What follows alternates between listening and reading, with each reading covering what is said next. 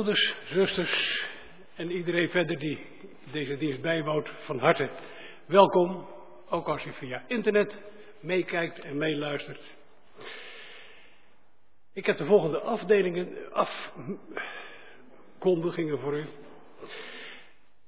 Binnengekomen zijn met beleidingsattestatie vanuit de PKN Maranata hier op het Harde. Wim en Theresia van der Brink Mosselaar met hun dochters Sterre en Floor. Hun adres Haverkamp 12 in het Harde. Ze komen binnen in wijk 3. Voor de vervulling van de vacature voor ouderling, als ook voor de benoeming van een jeugdouderling, nodigt de kerkenraad u als gemeente uit om namen op te geven van broeders, zusters, die u geschikt acht voor het ambt van ouderling of jeugdouderling. Vandaag is de laatste dag dat u dat formulier kan inleveren. En dan rest mij nog onze voorganger voor vanmiddag te verwelkomen, broeder Richard Vervoorn uit Geleen. Hartelijk welkom, God zegen.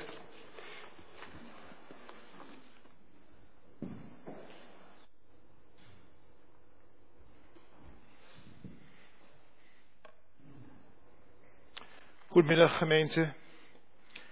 Fijn dat we elkaar weer mogen ontmoeten. We willen deze dienst beginnen met het zingen van Psalm 33, vers 2 en vers 5. Zing al die leeft van Gods genade.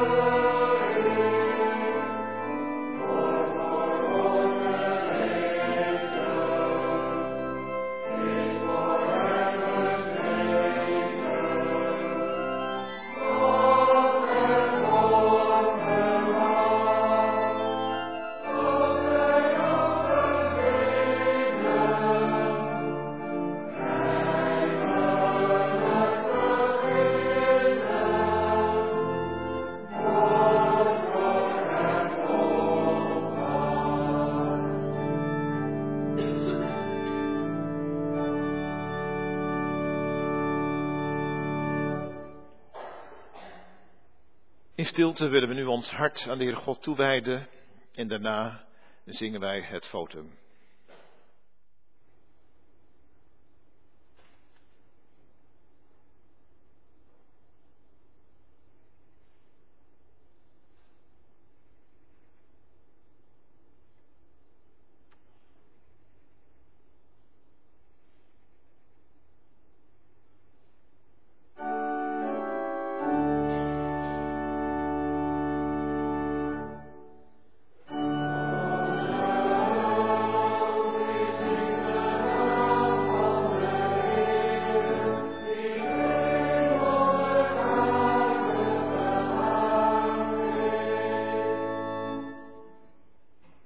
Genade en vrede van God onze Vader en van onze Heer Jezus Christus in de gemeenschap met de Heilige Geest.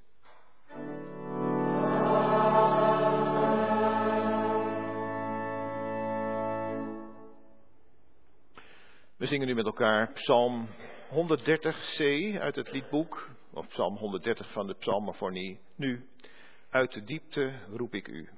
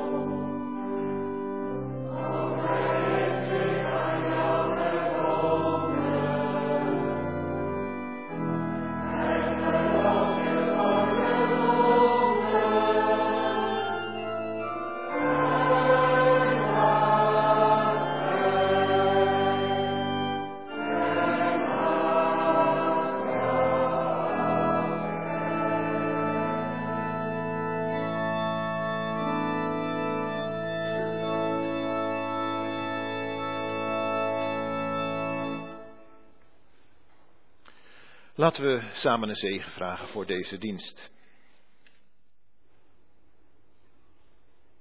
Ja, trouwe God, wij komen tot u. Dat hebben we ook gezongen. Uit de diepte. En dan denken we misschien ook aan de tijd waarin we leven. Een duistere tijd.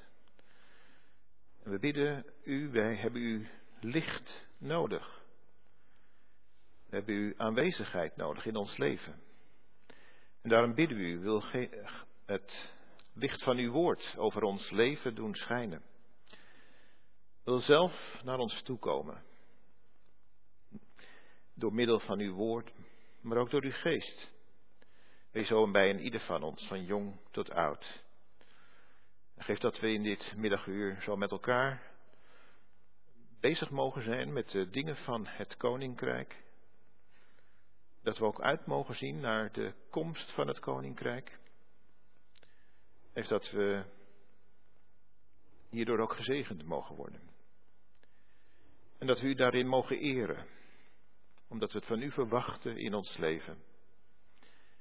Zegen zoals we hier in de kerkzaal zitten, maar ook als we betrokken zijn op een andere plek door de middel van de techniek, met elkaar verbonden. Heer, zegen ons allen. Zegen uw kerk, waar ze ook zijn, en maak hen tot zegen. Wil zo naar ons horen, omwille van uw lieve Zoon, onze Heiland Jezus Christus. Amen. We hebben twee schriftlezingen, twee lezingen uit de brieven. Allereerst uit de brief van Petrus, de eerste weliswaar. Hoofdstuk 4, vers 12 tot en met 19. En vervolgens de brief van Paulus. De eerste aan de Thessalonicense, hoofdstuk 5, vers 1 tot en, tot en met 11. En Tanja Langevoort zal dat met ons lezen.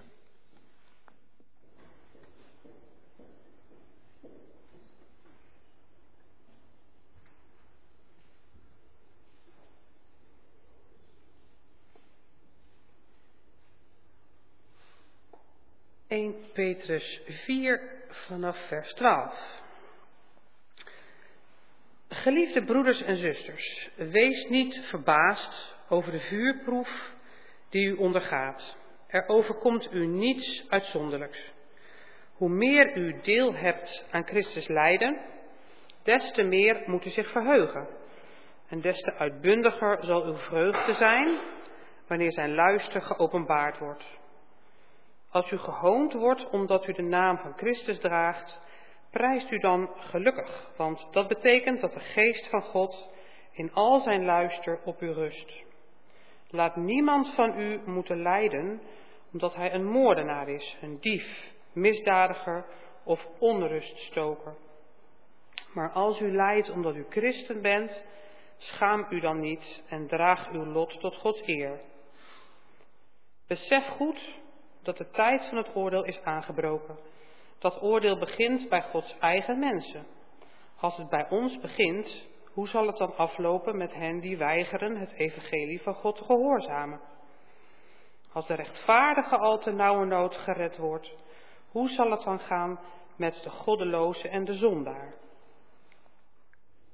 Daarom moeten allen die lijden omdat God dat wil, het goede blijven doen en hun leven in handen leggen van de trouwe schepper.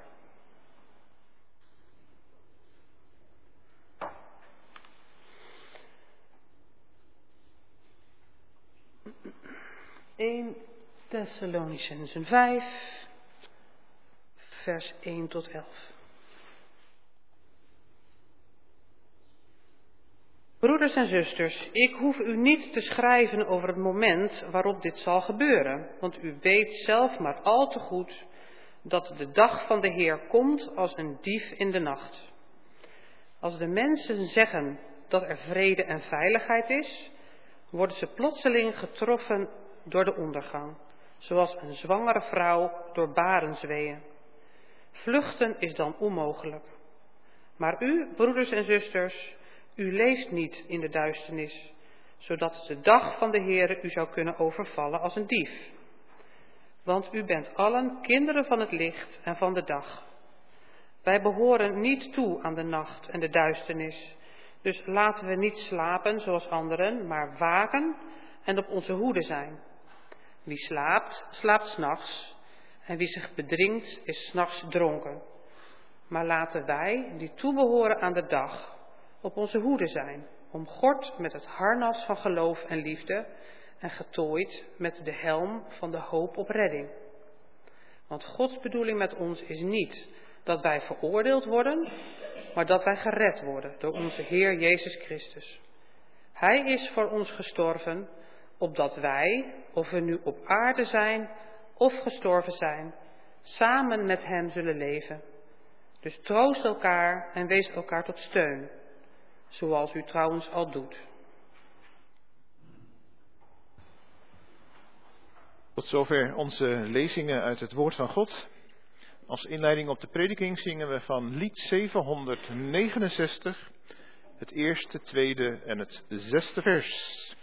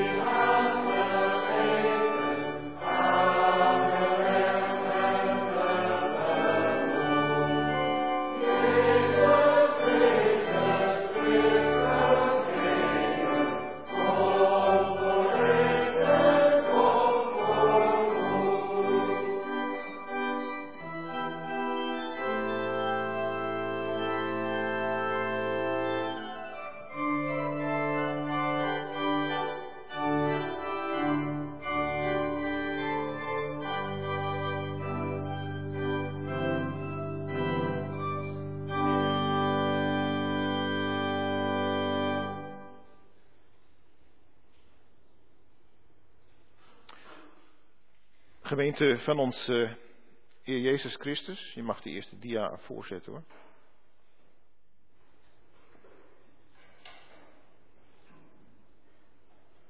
Lukt niet? Nee? Ja, daar is hij, ja. Ah, denkt u advent, dat is het nog niet. Het is maar hoe je bekijkt natuurlijk, hè. We leven allemaal in de tijd dat we uitkijken naar de komst van Jezus. En juist als het donker wordt, dan symboliseert dat ook wel iets van de donkerheid van de tijd waarin we leven.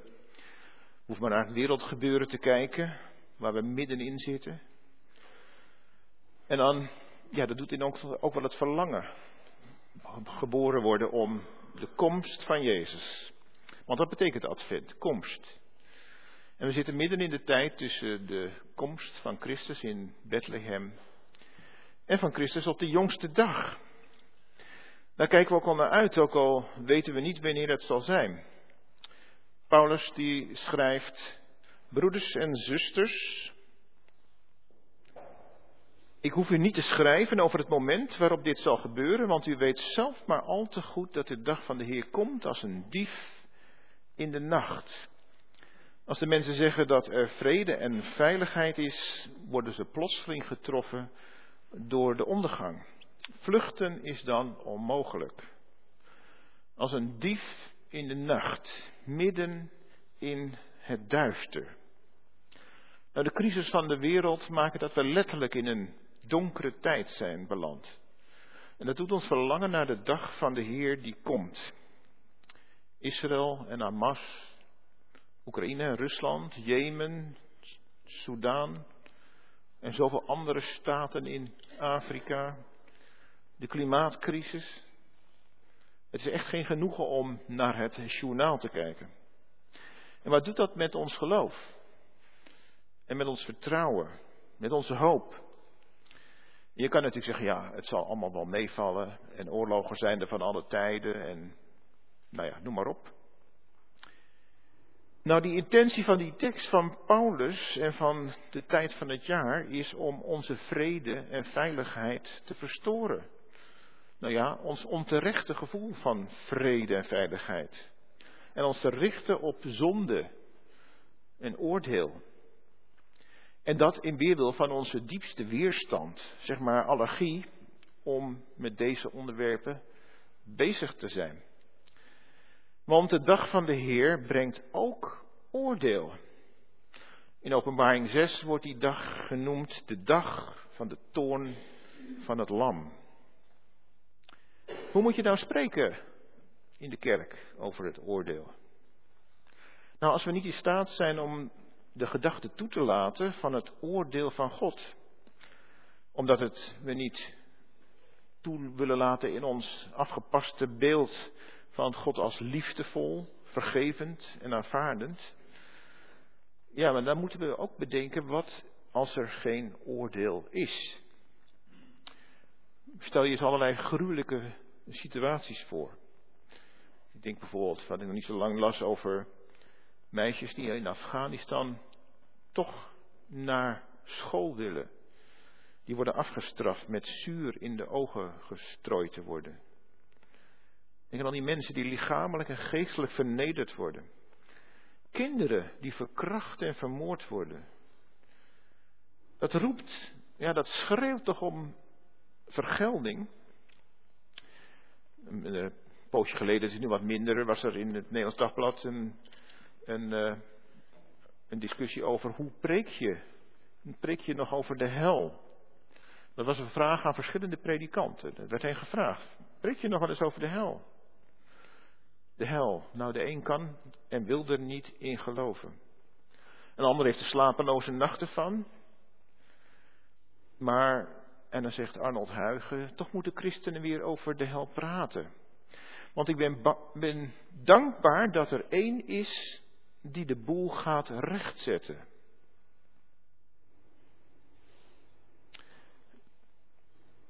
Dan mag je nu de volgende tekst zien. Nee, ik denk dat we weer veel te ver zijn. Even, even terug, denk ik. Twee terug, minstens. Ja. Als we aan het gruwelijk onrecht denken, is het goed dat, zou het dan goed zijn als we denken dat er geen God was die het onrecht niet wreekt? En we zien dat in de hele Bijbel. Jesaja spreekt bijvoorbeeld van een God die boos is op Israël. En zijn gezicht voor Israël verbergt. En zegt dat hij het onrecht zal wreken. Het is goed te weten dat er een God is die oordeelt over al het kwaad. Want zijn oordeel is goed, rechtvaardig en nodig. Een cultuur van straffeloosheid, dat is niets anders dan de hel. Het probleem is, en ik denk dat u dat zelf ook al bedacht hebt, dat we er niet zo moeite mee hebben als God het onrecht van anderen veroordeelt. Maar dat is natuurlijk anders als het om onszelf gaat. Het wordt lastig als het oordeel van God dichter bij ons komt. Bij onze vrienden, bij ons groepje, bij onze favoriete club. En dan moeten we die woorden van Petrus lezen dat het oordeel van God begint bij Gods eigen mensen. Of zoals in andere vertalingen bij Gods huis, bij de gelovigen, bij de kerk. Zegt Petrus dat om ons bang te maken? Helpt dat al als je toch al niet zo stevig staat in je geloof? Want ons geloof gaat niet eenmaal niet alleen maar over bergtoppen, maar soms ook door diepe dalen. Geloven en oordeel, dat is nog best lastig om dat bij elkaar te brengen. En dan heb je ook nog het woord van Paulus bij de avondmaalsviering. Wie eet en drinkt, maar niet beseft dat het om het lichaam van de Heer gaat, roept zijn veroordeling van zich af. Ja, dat zou ons als gelovigen best bang kunnen maken. Het oordeel begint bij het huis van God, bij Gods eigen mensen. En als je avondmaal viert, dat lijkt ook wel gevaarlijk. Denk je, als gelovige sta je behoorlijk in de vuurlinie. We kennen ook zelfs de uitdrukking, Gods kinderen zondigen niet goedkoop. En hoe ga je er dan mee om? Brengt het ons aan twijfelen? Verhindert het onze gebeden? En in het geval van avondmaal sla je dat dan maar een keer over, want ja, het is toch, eh, je moet het wel goed doen. Roept het evangelie meer vragen bij je op dan het antwoorden geeft? En, en als je dat dan allemaal doet, je blijft weg. Of je gaat niet met de avondmaal, wat moeten medekerkers daar, medekerkgangers daar dan van denken? Of hebben ze daar niks mee te maken? Kortom, het woord van Petrus dat Gods oordeel begint bij Gods eigen mensen, laten we maar eerlijk zijn, dat is lastig. Juist omdat ons geloof niet altijd even sterk is en het aangevochten is. En ik denk dat Petrus ons zeker bewust wil maken over ons leven en ons geloven. Maar zeker niet om ons bang te maken, want daar is ook geen reden voor. Laten we eens kijken hoe we zo'n tekst nu moeten lezen. Laten we daar beginnen dat Gods eigen mensen of Gods huis, dat de kerk, de gelovigen, niet een verzameling is van los van elkaar staande individuen. We zijn broers en zussen van Christus door adoptie en door genade. Dat zie je, dus, is verbinding. In Efeziërs lezen we dat we Gods huisgenoten zijn. Gebouwd op het fundament van de apostelen en de profeten. Met Christus Jezus zelf als de hoeksteen. En staat daar, in hem vormt het bouwwerk één geheel en groeit het uit tot een tempel die gewijd is aan de Heer. Dus om die laatste vraag te zeggen, over dat als je wegblijft, hebben medegeloven daar wat mee te maken? Jazeker, want we zijn met elkaar verbonden als broers en zussen. En vormen samen een bouwwerk. Dat proeven we ook in onze schriftlezing 1 Thessalonicense 5. Dus troost elkaar en weest elkaar tot steun zoals u trouwens al doet. En dat is iets anders dan wij over met over elkaar zouden oordelen. Dat zegt Paulus in de Romeinenbrief. Lees maar Romeinen 14, vers 4. En die mag je laten zien.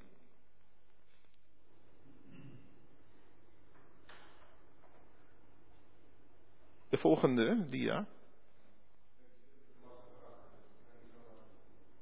Ik versta er niks van, maar. Gaat het niet? Oké. Nou, daar lezen we in ieder geval in Romeinen 14, vers 4. Want wie bent u dat u een oordeel velt over de dienaar van een ander? Of het wel of niet goed is wat hij doet, bepaalt alleen zijn eigen Heer.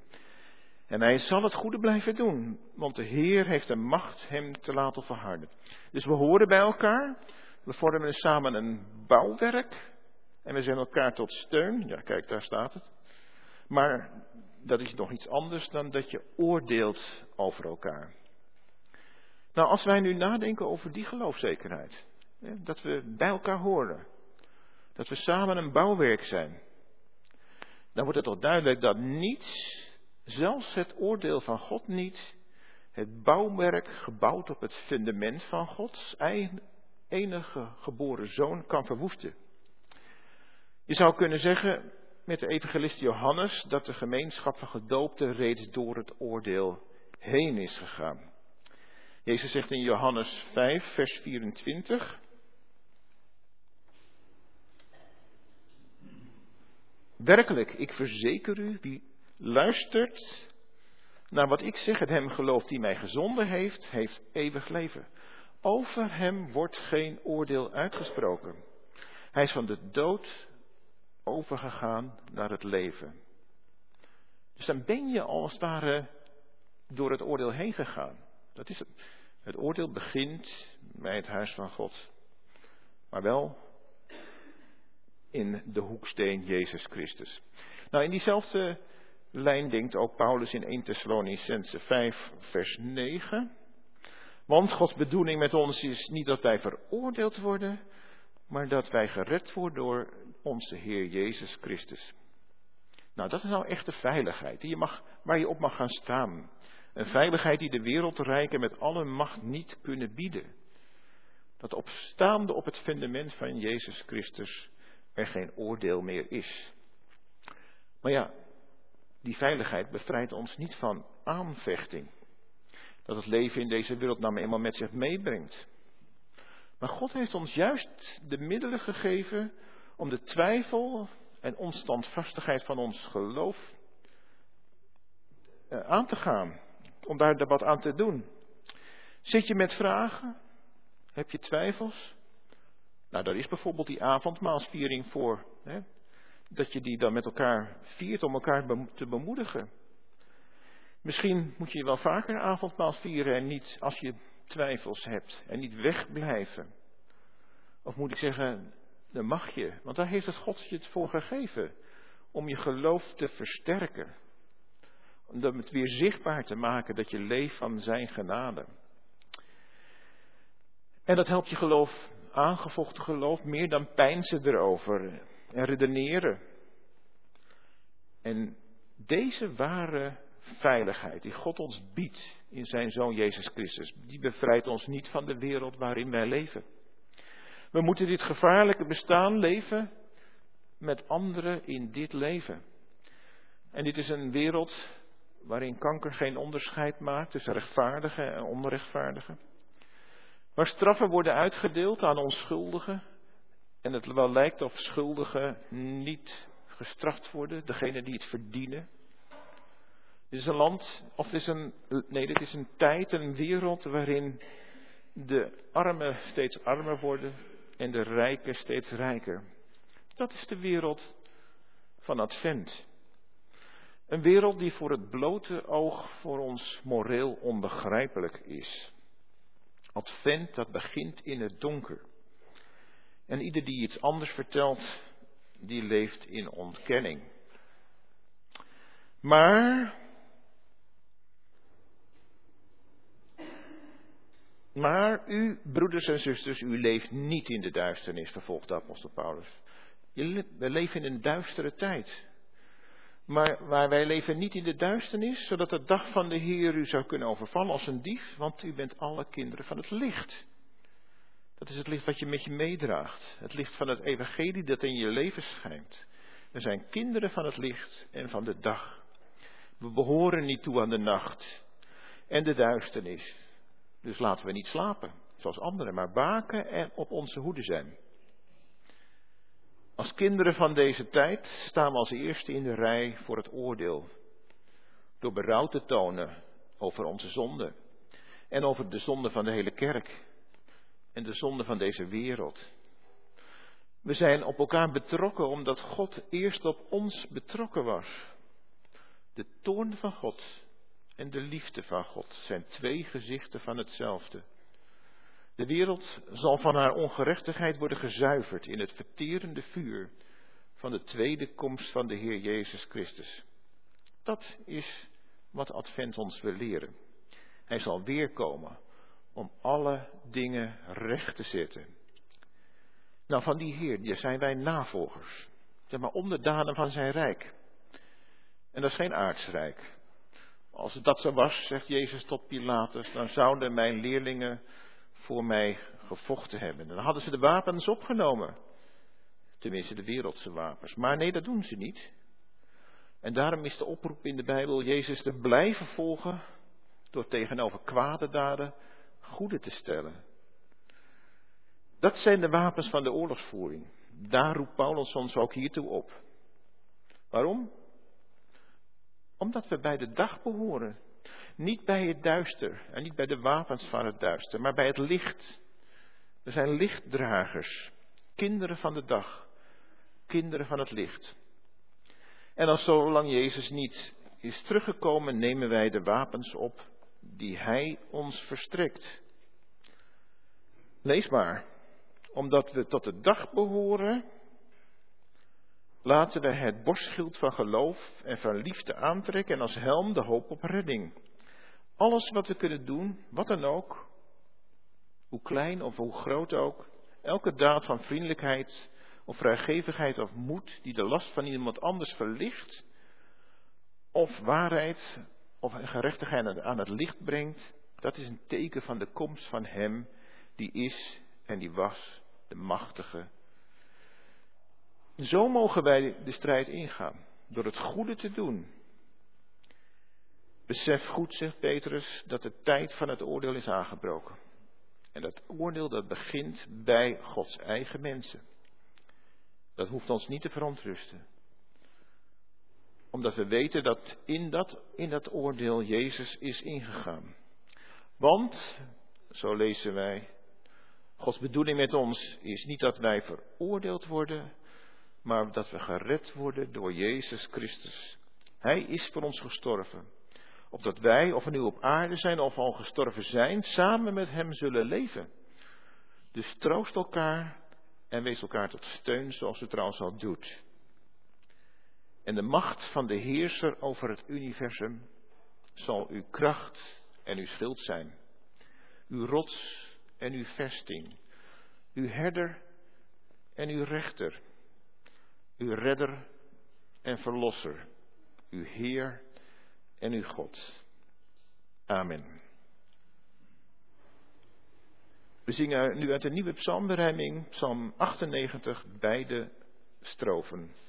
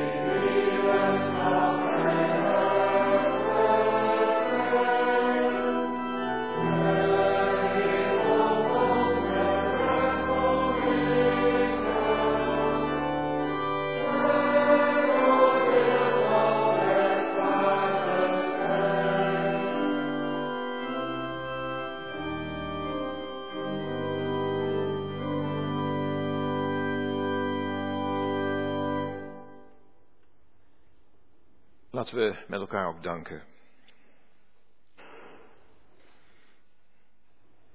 Heer, dank u wel dat u een God bent die rechtvaardig is.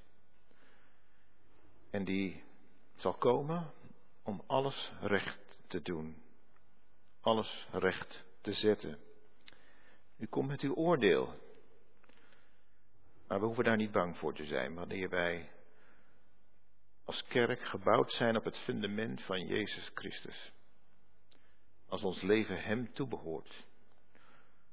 Dan is het oordeel al bij ons begonnen. Dan is ons oordeel al gedragen aan het kruis van Golgotha. Je leert ons daarop te vertrouwen. Maar ook te zien dat het dus best serieus is. Een leven met u. En geef dat we ons ook in om de tijd die ons gegeven is, leven als kinderen van het licht. Dat we uw rechtvaardigheid en uw barmhartigheid, uw liefde mogen laten zien in ons leven. En dat kan alleen als u zelf ons daar de kracht voor geeft, ook in de week die nu voor ons ligt. En daarom bidden we u, ga met ons mee en hou ons vast. Heer, u weet wat ons wacht. En we hebben zelf misschien ook wel een vermoeden daarvan, maar geef dat we mogen weten dat u erbij bent en ons in alle dingen leidt. Ga ze met ons mee, ook als we het moeilijk hebben, als we eenzaam zijn, als we gemis ervaren, gemis van een geliefde. En als we misschien lichamelijk of geestelijk onze zwakheden kennen en daarmee te worstelen hebben. Heer, ga met ons mee. Heer, bewaar uw kerk. En geef dat wij waakzaam zullen zijn. Wil ons zo ook daar, daartoe geven wat we nodig hebben. De middelen die we nodig hebben als kerk, maar ook als individuele gelovigen. Om zo in het leven te staan. Ik zou bidden u voor de week die voor ons ligt. Een week waarin we als we 18 jaar zijn geweest ook mogen stemmen. En misschien vinden we dat wel moeilijk. Dan weten we niet wat we kiezen moeten, maar ook daarin mogen we vragen of u onze wijsheid wil geven. Dat we ook daarin iets mogen laten zien van rechtvaardigheid, barmhartigheid en omzien naar elkaar, aan saamhorigheid, aan een samenleving die er is voor elkaar. Heer, geef ons daarom wijsheid om onze keuze op een goede manier te brengen. En wij bidden u voor ons land. Wat zal het ons brengen, de, verkiezingen? Nog meer verdeeldheid? Of nieuw hoop en nieuw vertrouwen in een toekomst? Heer, ga met ons mee, ook als land. En we bidden u voor deze wereld. Waar het inderdaad op veel plekken gitzwart is. Waar vrede ver te zoeken is en waar de vrede werkelijkheid zich manifesteert. Heer, ontferm u. En wij bidden u om uw vrede in de harten van mensen, dat ze u mogen kennen, u de vredevorst. Zo vragen we om een zegen voor de week die voor ons ligt. Wil ook vergeven wat niet goed was en niet naar uw wil. En wil geven dat deze dienst met ons meegaat in ons leven in. In ons volgen van u en ons vertrouwen op u. U, onze rechter en onze redder, wil naar ons horen. Uit genade alleen. Amen.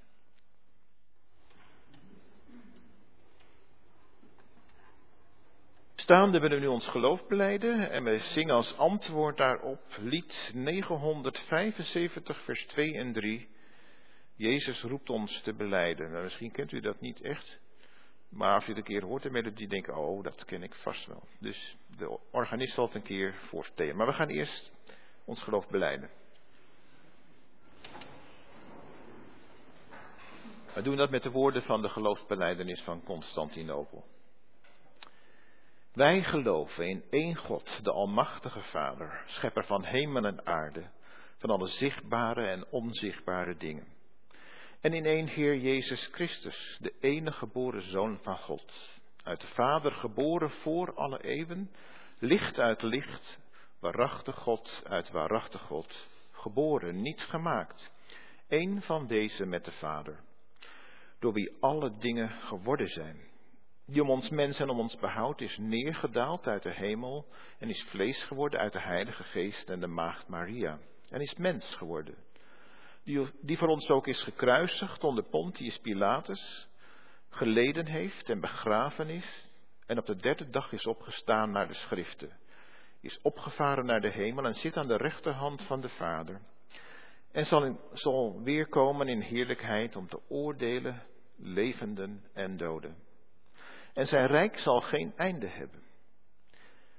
En in de Heilige Geest, die Heer is en levend maakt, die uitgaat van de Vader door de Zoon, die samen met de Vader en de Zoon aanbeden en verheerlijkt wordt, die gesproken heeft door de profeten. In één heilige algemene en apostolische kerk, we beleiden één doop tot vergeving van zonde, we verwachten de opstanding van de doden en het leven in de wereld die komt. Thank you.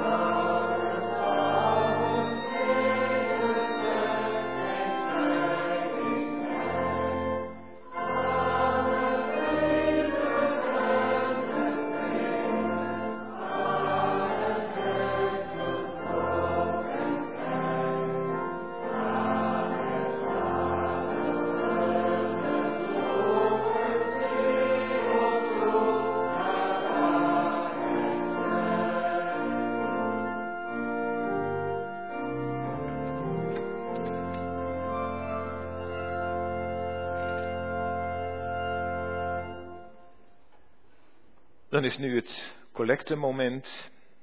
En daarna zingen wij als slotlied uit 912, vers 1, 2 en 3, de eerste drie versen. En vervolgens het laatste, het zesde vers.